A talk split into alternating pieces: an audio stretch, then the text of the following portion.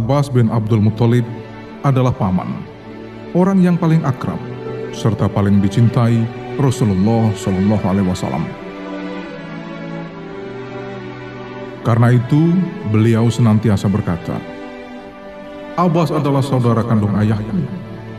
Barang siapa yang menyakiti Abbas sama dengan menyakitiku.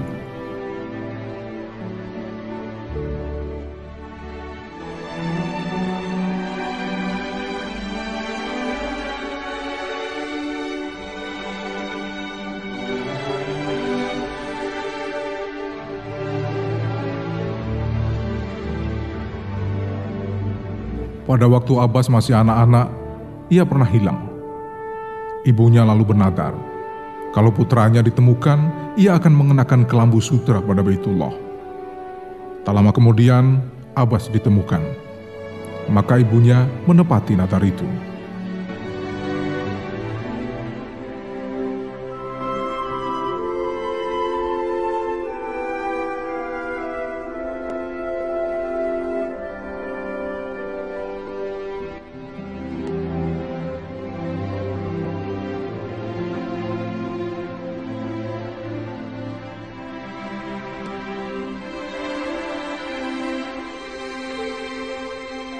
Setelah dewasa, Abbas masuk Islam, mengikuti ajaran Nabi Muhammad SAW dengan baik.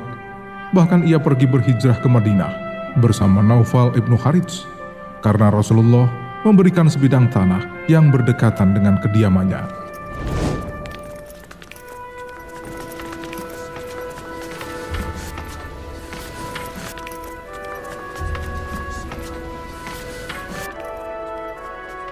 Pada suatu hari, Abbas bin Abdul Muthalib menghadap Rasulullah Shallallahu Alaihi Wasallam dan memohon dengan penuh harap. Ya Rasulullah, apakah engkau tidak suka mengangkat aku menjadi pejabat pemerintahan? Rasulullah sejatinya tahu benar, Abbas adalah orang yang cerdik, berpengetahuan luas, dan mengikuti liku-liku jiwa orang. Tapi Nabi menjawab harapan pamannya itu dengan manis dan penuh pengertian. Wahai paman Nabi, menyelamatkan sebuah jiwa lebih baik daripada menghitung-hitung jabatan pemerintahan.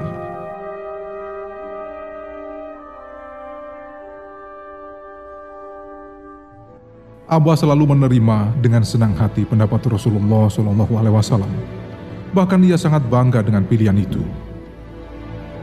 Saat itu Rasulullah tidak mau mengangkatnya menjadi pejabat pemerintahan atau pengurus sedekah, bahkan tidak memberi kesempatan dan harapan untuk mengurusi soal-soal yang bersifat duniawi. Karena Nabi Muhammad SAW ingin menekan supaya Abbas lebih menekuni soal-soal ukhrawi.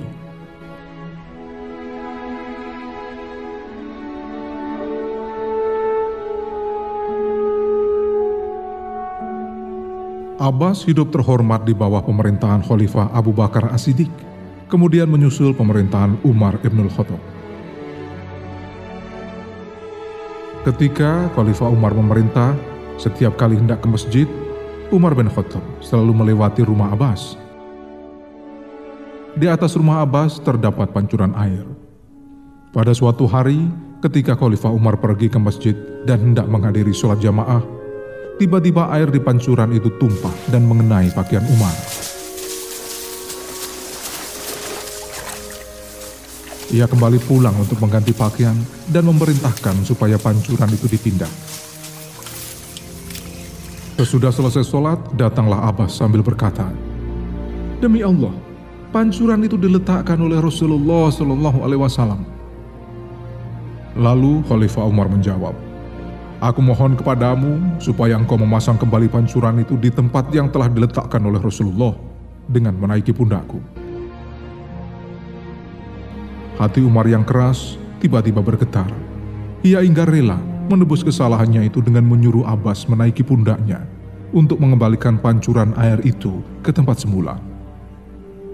Setelah memasang pancuran, Umar memeluk sebagai penghargaan kepada paman Rasulullah Shallallahu Alaihi Wasallam itu.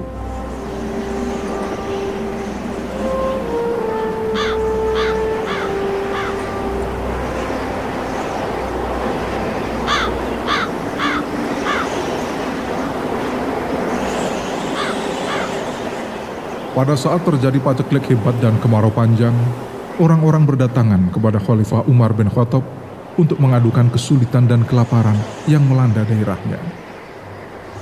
Umar menganjurkan kepada muslimin yang berkemampuan supaya mengulurkan tangan, membantu saudara-saudaranya yang ditimpa kekurangan dan kelaparan. Kepada para penguasa di daerah, diperintahkan supaya mengirimkan kelebihan pendapatan daerahnya ke pusat.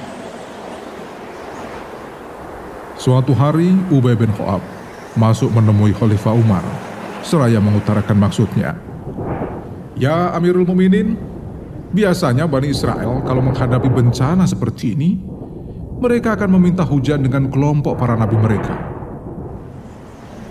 Umar menjawab, Paman Rasulullah Shallallahu Alaihi Wasallam dan saudara kandung ayahnya Abbas tentu bisa memberi pertolongan. Lagi pula, ia pimpinan Bani Hasim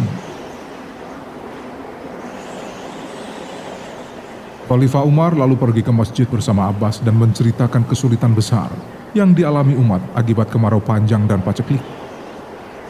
Keduanya lalu naik mimbar bersama sambil berdoa.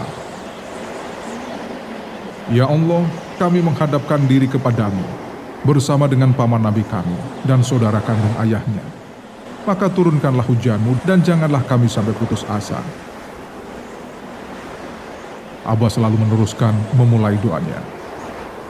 Ya Allah, Engkau yang mempunyai awan, dan Engkau pula yang mempunyai air. Sebarkanlah awanmu dan turunkanlah airmu kepada kami.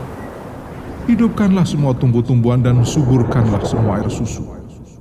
Ya Allah, Engkau tidak mungkin menurunkan bencana kecuali karena dosa, dan Engkau tidak akan mengangkat bencana kecuali karena tobat. Gini, umat ini sudah menghadapkan diri kepadamu, maka turunkanlah hujan kepada kami. Ya Allah, kami memohon belas kasih-Mu atas nama diri kami dan keluarga kami. Ya Allah, kami memohon belas kasih-Mu atas nama makhluk-Mu yang tidak bicara, atas nama hewan ternak kami. Ya Allah, hujanilah kami dengan hujan keselamatan yang berdaya guna kami mengadukan semua bencana yang menimpa orang yang kini menderita kelaparan, telanjang, ketakutan, dan semua orang yang menderita kelemahan. Selamatkan mereka dengan hujanmu sebelum mereka berputus asa dan celaka.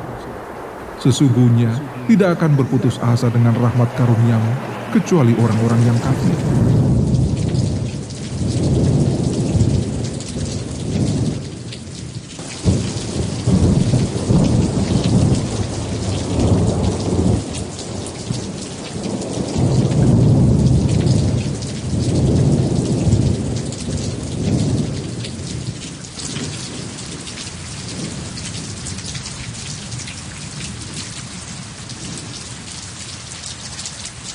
Ternyata doa itu langsung diterima dan disambut Allah Subhanahu wa taala.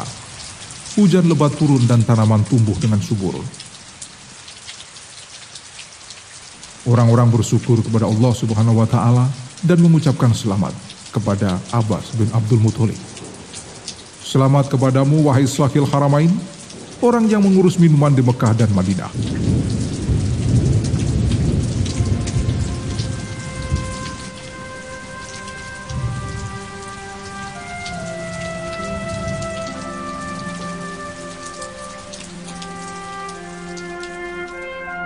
Abbas bin Abdul Muthalib hidup terhormat, baik oleh kaum muslimin maupun oleh para khulafaur rasyidin. Jika ia berjalan dan berpapasan dengan Umar atau Utsman yang sedang naik unta atau kuda, keduanya turun seraya berkata, Assalamualaikum warahmatullahi wabarakatuh, wahai paman Nabi,